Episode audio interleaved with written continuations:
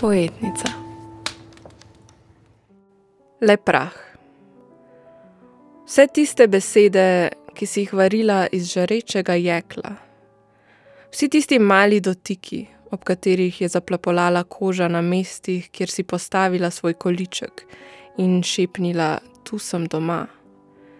Vsa tista tišina, tako krhka, tako prosojna, da jo čuti le otrok, ki se sam igra na tleh, pred kafičem pa vsa tista jebena sivina, ki ni konca, pa tiste stare rjave ploščice in von po vlagi, tista solo glasba palice, s katero stara namrščenka udarja ob hoji po cesti, vsi tisti mali drobni mlečni zobje, ki s kumaricami in krušnimi drobtinami vred meljajo čas.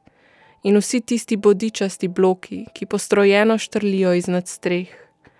Vse tisto, kar je ostalo neizgovorjeno, ovito v trebuhu, vsi nesmisli, vse tiste pepelnate usedline, ki utrujeno ležijo v tvojih očesih, vsa tista teža ločitve, ki te seseda v zmečkan papir. Vse, v kar smo verjeli, od česar smo bežali, kar smo ljubili, vse tisto, kar je prešlo v hraste, vse tisto, kar bo nekoč zgolj prah, osamljeno stoječ na zatišju stare knjižne police.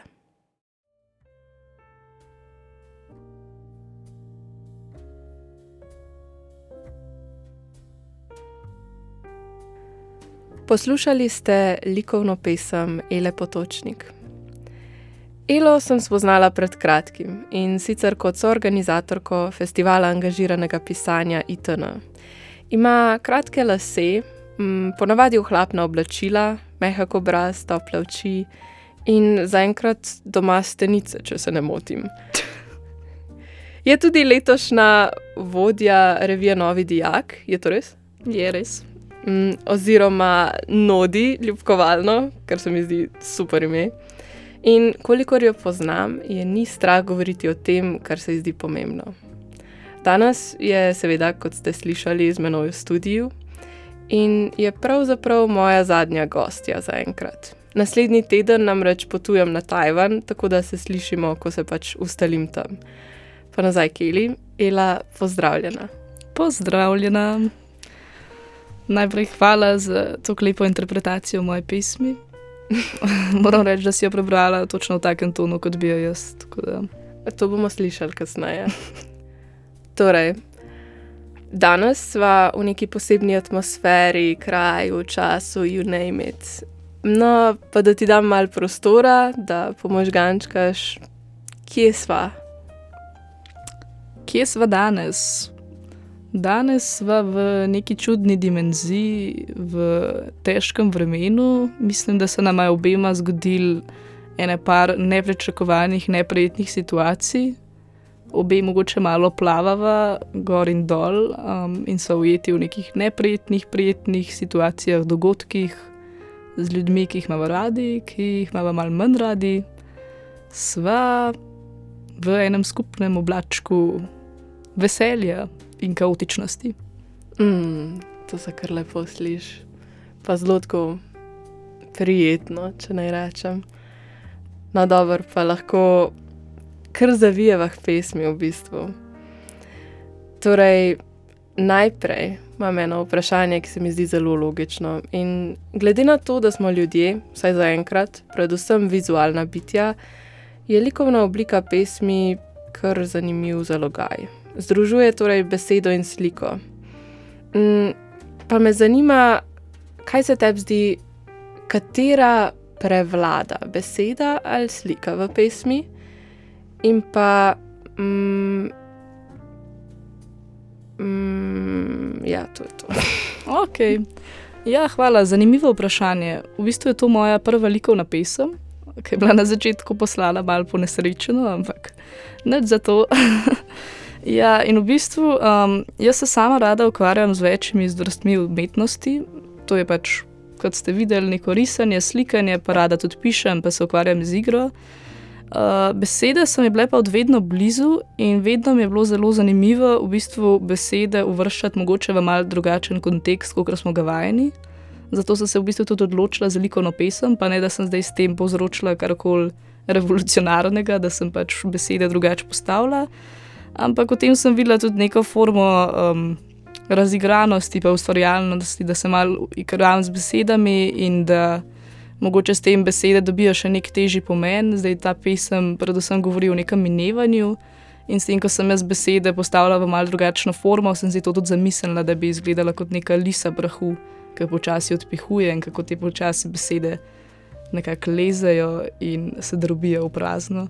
Tako da mislim, da težko bi rekla, kera forma bolj prevladuje. Meni se zdi, da je lih ključ in umetnosti in nasplošno tega, kar delamo ljudi, da se združujemo skupaj in da združujemo te neke vrednote in dejavnosti, ki so nam všeč in da pol ta spojek, ki nastane, je tisto, kar prevladuje nad vsem. Ne posamezne umetnosti, ne da bi zdaj rekla, da ja, je slika razstoj pa lepše od pisane besede.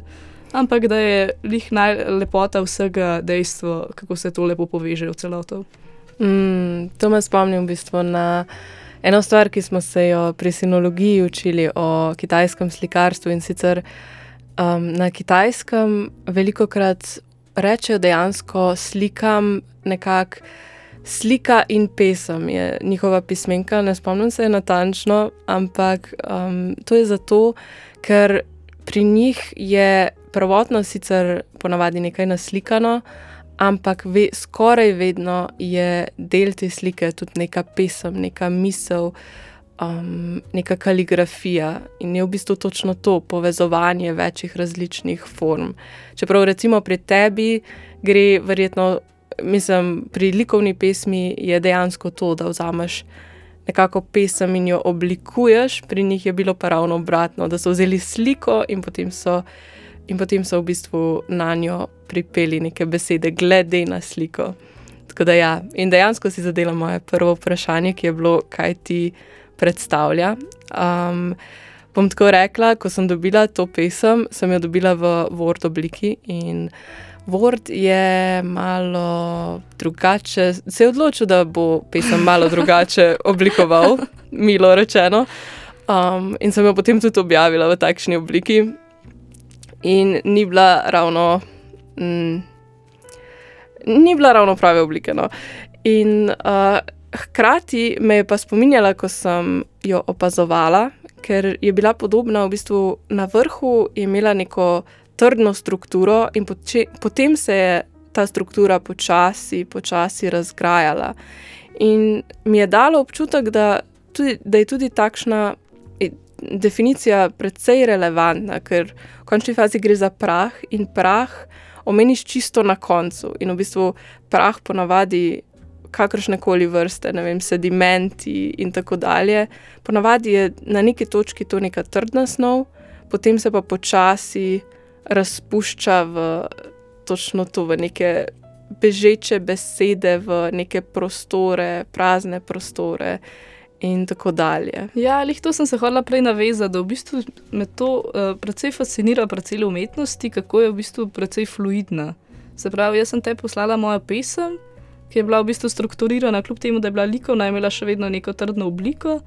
Ampak potem se pač tela ta oblika nekako degradirala in se je to vse pomešalo med sabo, ampak še vedno je nekako, tudi jaz, ko sem jo pozvala, sem si prosep mislila, da še vedno je to neka pesem in še vedno spominja na nek prah. In se mi zdi to lepo, neka taka spontanost v umetnosti, ko včasih nekaj zafrkneš, se nekaj mal unič, mal se spremeni, ampak še vedno se pa v bistvu predrugač v neko drugo formo, ki ima še vedno neko svojo lepoto. Not. In meni je to ful hudo v bistvu. Ja, Tako, dejansko. Mogoče naslednjič bi ti kar rekla, da bi pustila v taki obliki, pa ne pač ljudje pol sami interpretirajo, kar si mislijo iz tega.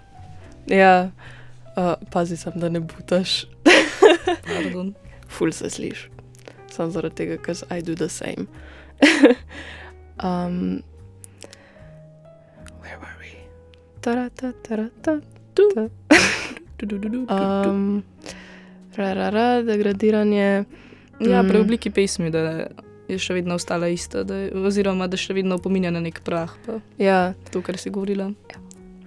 Ja, meni v bistvu um, ravno to, kar si umela pri umetnosti mi je zanimivo tudi to, da lahko umetnost dojemaš kot nekaj, kar se konstantno spremenja. Tudi neka slika, um, jo lahko dojemaš, ok, do zdaj sem jo naslikal v tej obliki, v kateri znam do zdaj, ampak to ne pomeni, da je ne bom dograjeval v prihodnosti, ker je spet neka fluidnost, poleg tega, da jo recimo bralec ali opazovalec drugače interpretira.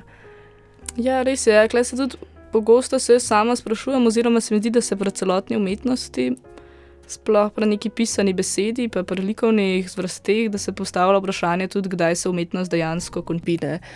Um, veliko nekega. Mm, prestopanja mej tega otroka, kot da um, dobila sem občutek, kot da je nekdo stopil in preoblikoval nekaj, kjer mogoče ne bi smel imeti besede. Pa me zanima, kakšna je tvoja interpretacija tega. Ja, torej v pesmi v bistvu ti uh, nagovori so namenjeni predvsej različnim osebam, bi rekla. Um, namreč v celotni vsebini sem pač poskušala, kot si v bistvu zaznala, lepo zbrati neke stvari iz otroštva, neke stvari iz vsakdanje okolice in neke take, ful tudi uh, navadno v pisanju, probujem biti zelo dovzetna za ene take drobce v dnevu, ki jih mogoče niti ne opazimo ali pa samo zbežijo mimo nas, ampak se mene na nek način ful dotaknejo in potem fulkrat imam v bistvu v glavi ta občutek minevanja in nekaj, v bistvu, mogoče tudi malo groze, da bo vse to enkrat pač prešlo. In vse te bolečine, in vse te strahove, in veselje, in vse, kar se bo nam zgodilo, bo pač nekoč sam nek osamljen spomin, ali kako bi rekla. In ja, v bistvu uh, nagovori so večinoma namenjeni um, nekomu, v koga sem bila jaz zaljubljena. Vmes je pa tudi, mislim, da en nagovor moji babici, o njej tudi. Um, precejkrat pišem. Ja, ostale stvari so pa neke drobci iz otroštva, recimo kumarice in krušne drobtine. To vem, da sem vedno pri babi jedla pač to s kruhom in mi je to nek tak topel in nostalgičen spomin. Potem vmes sem rekla, um, kaj, kaj, kaj, kakšni so še podrobnosti, da mi sam kaj napove, da jo razložim. Ok, ok, z veseljem.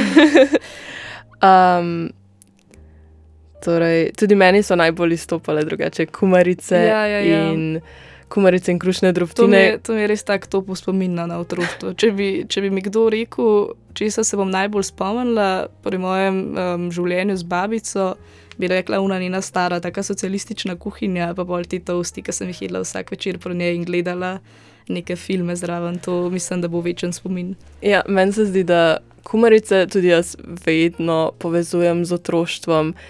In ne vem, se mi zdi, da vedno obstaja tisti en otrok, ki odpre kozarec s kumaricami in jih je iz samega kozarca, in lahko cel kozarec v 20 minutah sprazni. Definitivno ne govorimo o sebi. ja, ampak ja. for a friend. Uh, ampak ja, definitivno. No, neke take male malenkosti se mi zdi, ki res začarajo um, naše celotne potek življenja. Ja, recimo um, otrok, ki se sam igra na tleh pred kafičem. Potem sem razmišljala recimo, pri tem delu tudi, ali je šlo za neka čustva, za neke spomine, ki so prihajali na dan, ko si ti opazovala, recimo. Na zunaj nekaj, kar se ni neposredno tebi dogajalo, ampak mogoče, da si ti tudi sedela v kafiču in si potem videla nekega drugega otroka, ki je sam tam sedel in te je to spomnilo. A je bil kakšen tak primer? Recimo? Torej, ja, v bistvu več ali manj vse izhaja iz mojih spominov in vsi primeri, ki sem jih, oziroma vse, kar sem navedla v pesmi, je resnično. To se mi zdi nek tak čar poezije, da dejansko ustavljam not resnične stvari. Uh, predvsem pa, če se zdaj nanašam na tega otroka, se mi zdi, da je to predvsem predstavlja mene, ker sem jaz kot oseba odraščala z ogromno mero neke tišine in samote, pa zdaj se ne nanašam na samoto kot neko osamljenost, ampak predvsem dejstvo, da sem rada preživljala čas sama v svojem svetu, kjer sem bila več čas obdana v nekih drugih svetovih ustvarjalnosti. Opa, pardon. Ustvarjalnosti in um, kreativnosti, in vse čas sem nekaj lepila skupaj, vse čas sem nekaj pisala, risala, ustvarjala, in vse čas sem bila obdana z ogromno mero tišine. In to je bila neka tišina, se mi zdi, ki je izredno pomembna za naš svet in se mi zdi, da je hkrati izredno vsak dan manj v svetu. Se pravi, to je neka tišina, ko se usedeš na klopco in v miru opazuješ svet in poslušaš lestenje listov in gledaš sosede, kako hodijo mimo tebe. In jih lepo pozdraviš, in se jim nasmehneš, in razmišljaš, kakšni so njihovi dnevi, kakšni so njihovi problemi, kakšni so tvoji problemi. In razmišljaš dejansko o svetu, in preizprašuješ družbo, in se v bistvu samo za trenutek ustaviš in umiriš in prisluhneš temu toku miru in tišine. In ja, ta tišina je v bistvu še danes, kljub temu, da sem v bistvu sama full komunikativna in glasna oseba, še vedno velik del mene in to se definitivno nanaša tukaj. Ta otrok pred kafičem sem bila definitivno jasna. Ja, v bistvu prvič, ko sem dojela, da je v pesmi neka tišina, je bilo, ko sem brala ravno tej, ti si jo poimenovala pa vsa tista jebena sivina, ki je ni konca. In se mi zdi, da sivina predstavlja neke vrste tudi tišino, ki je med šumom bele in šumom črne barve. Je, v bistvu je nekaj bolj neutralnega. Kaj si v bistvu ti mislila, recimo, s sivino? Sivino sem zdaj, če poenostavim, čisto konkretno mislila na sivino, ki se poleže med zimo nad stranovskimi bloki. To je v bistvu, če ne filozofijo, če konkretiziram, je to ta sivina. Hkrati je pa v bistvu zima bila zaradi te sivine za me vedno obdobje, podobno temu, kar si ti v bistvu omenjaš med šumom črne in med šumom bele. Se pravi, neko obdobje, ki hkrati je nekaj, pa hkrati ni nič, nekaj, kjer si vmes v čakanju, v pričakovanju, da se nekaj zgodi si vas napet in živčen in čakaš in čakaš, da pride neko lepše obdobje, da posije sonce, ampak hkrati ni tega in se vsa ta jebena sivina vleče. Um, tako da ja, ta sivina definitivno tudi vključuje dosti tišine, ampak to je pa zdaj ta zoprna tišina, tesnobna tišina. No. Ki je pa tudi mm. definitivno del mojega življenja in verjetno del življenja vseh nas, sploh v današnjem norem svetu. Ja, definitivno.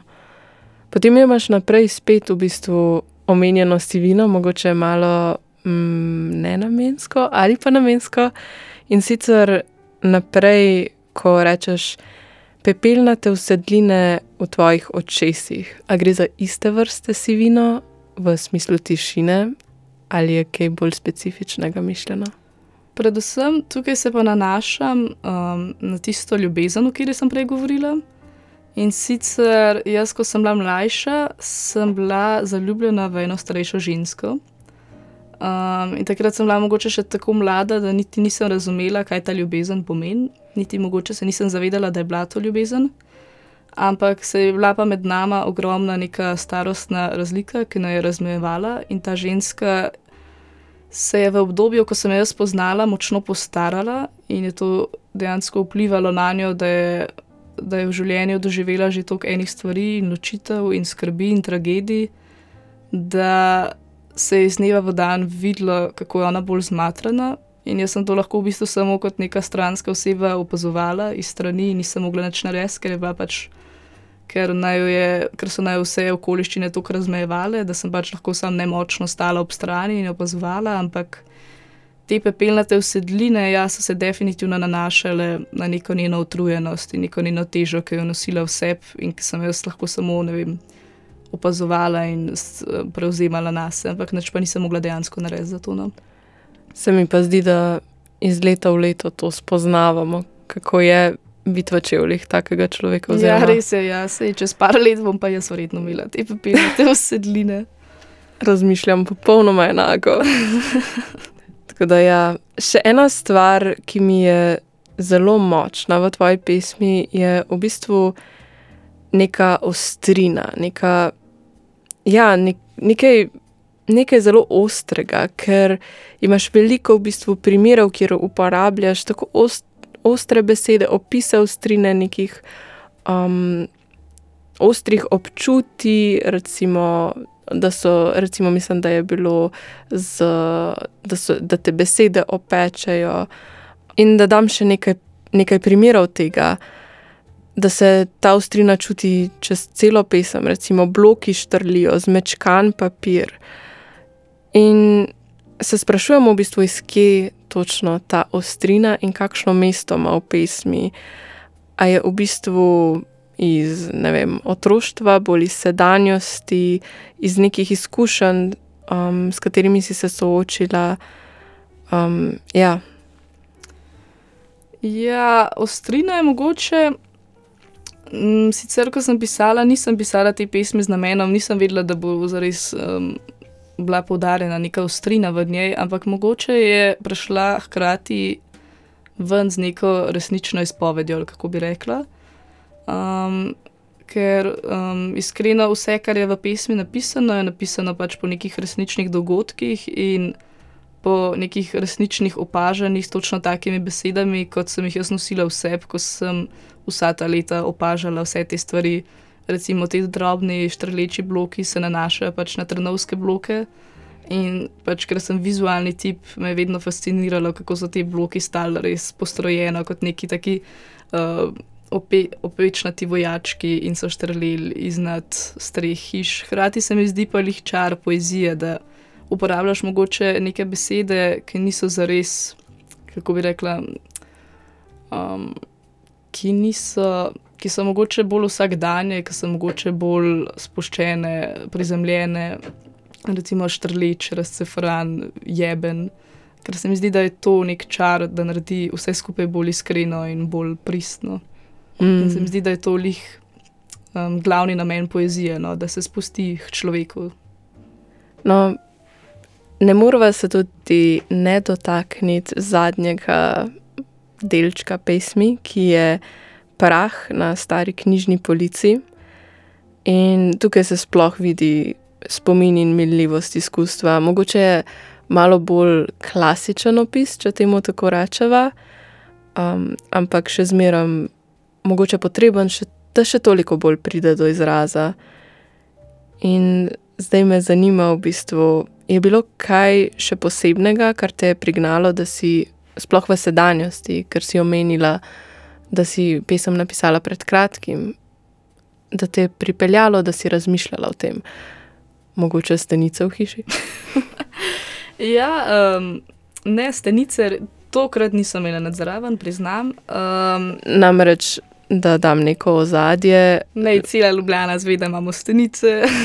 je ozadje. Je, da v bistvu morate celotno hišo nekako obrniti na glavo, celoten Ja. dom, zato da se znebite te trdovratne živali. Uh, ja, navodilo ljudem, oziroma um, prijazno opozorilo, ko potujete, ko se vrnete domov, operite svoje stvari in pogledajte, če niso slučajno kakšni usiljivci slučajno prišli z vami iz potovanja. Dobro, naprej. Nadaljujmo iz traumatičnih prigod. Torej, kaj je bilo tisto, kar te je mogoče navdihnilo v pred kratkim o tej minljivosti? Je kakšen specifičen dogodek? Mm, ne, zares ni specifičen dogodek, je pa minljivost stvar, ki se na vsake tok časa pon, um, zavem in razmišljam o njej, in me vedno spravi v neko otožnost. Hkrati se mi pa zdi na minljivosti nekaj izredno lepega, dejstvo, da vse mine, ker se mi zdi, da to hkrati ponuja nek nov začetek in neko novo rojevanje. Recimo, mene se je izredno dotaknila ena pesem Borisa Kavace. On je imel pač v svojem življenju um, izredno veliko nekih tragedij in izgub, in napisal je neko pesem, um, zdaj jo bom sam kvazi citirala, da se je usedel v frizerski salon med dve zrcali in je v tem odbijanju podob ni videl nekega cikličnega vračanja, ampak je videl samo eno večno odhajanje. In ta misel me v bistvu velikrat spreletino, da je pač odhajanje sploh mogoče v naši družini, um, kjer smo se soočali s smrtjo mojega očeta za rakom in smrtjo babice, in smo v bistvu z odhajanjem bili, bili že seznanjeni od mojega otroštva naprej, in se mi zdi, da je to en tak del, ki bo po moje za večno ostal z mano. No. Hm. Se pravi, odhajanje, ampak hkrati pa, ko nekdo odide, pa nekdo drug pride v tvoje življenje, nekdo, ki ti pomaga in je spet neko drugo vračanje in drugo rojstvo. Bi rekla, da je naslov Le prah namenjen ravno temu, da se mogoče zavemo, da ja, je vse minljivost, ampak je vse ok. Ali je kakšna druga definicija? Ja, v bistvu le prah je me na nek način spomnil na filozofijo iz neznosne lahkosti bivanja.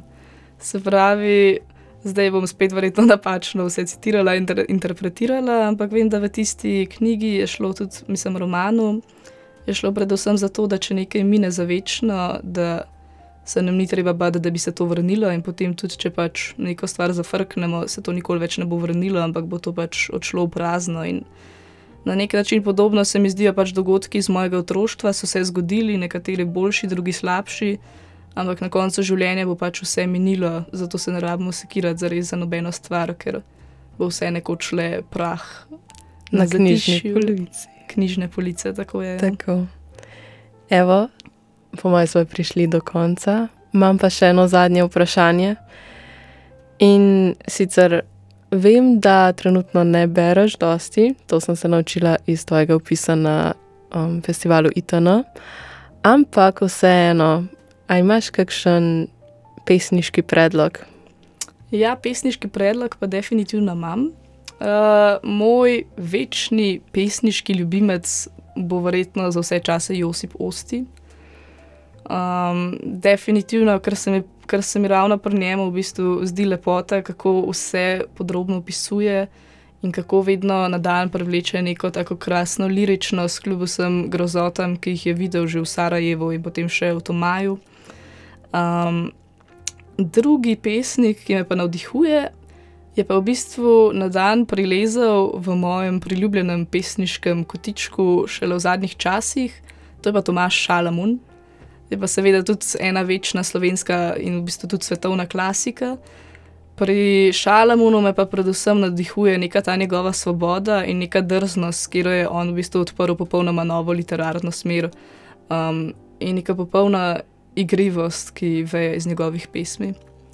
Drugače pa, če grem pa mogoče na malo mlajše pesnice in pesnike, bi pa rekla Katja Gorečan in Nina Dragičevič. Hmm. Evo, Hvala, Ila, da si bila z mano. Um, z veseljem. Hvala za tvoje predloge in za pogovor.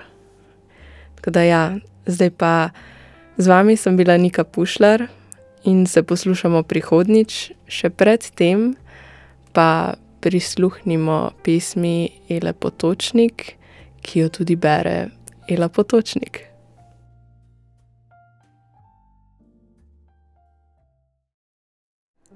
le prah. Vse tiste besede, ki si jih varila iz žarečega jekla, vsi tisti mali dotiki, ob katerih je zaplapolala koža na mestih, kjer si postavila svoj količek in šepnila: Tu sem doma. Vsa tista tišina, tako krhka, tako prosojna, da jo čuti le otrok, ki se sam igra na tleh pred kafičem. Pa vsa tista jebena sivina, ki ji ni konca pa tiste stare rjave ploščice in von po vlagi. Tista solo glasba palice, s katero stara namrščenka udarja ob hoji po cesti. Vsi tisti mali, drobni mlečni zobje, ki s kumaricami in krušnimi drobtinami ured meljajo čas. In vsi tisti budičasti bloki, ki postrojeno štrlijo iznad streh. Vse tisto, kar je ostalo neizgovorjeno, ovito v trebuhu.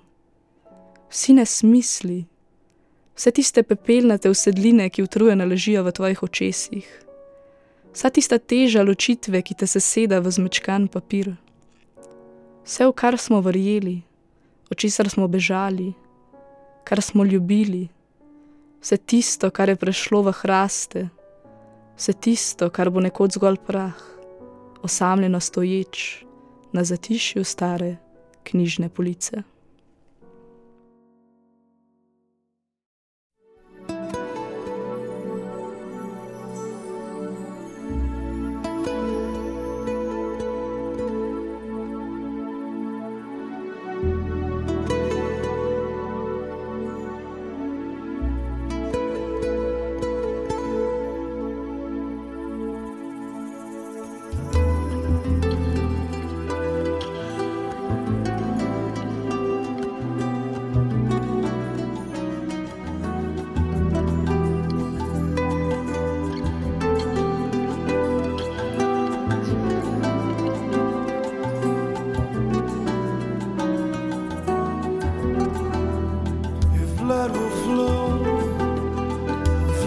steel I won, drying in the color of the evening sun. Tomorrow's rain will wash the stains away. Something in our minds will always stay.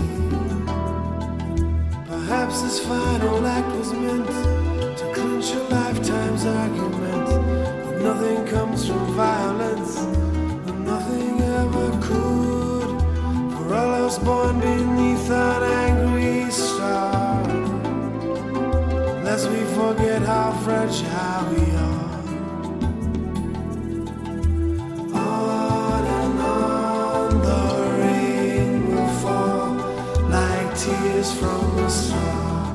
like tears from a star. On we'll see how fragile we are, how fragile we.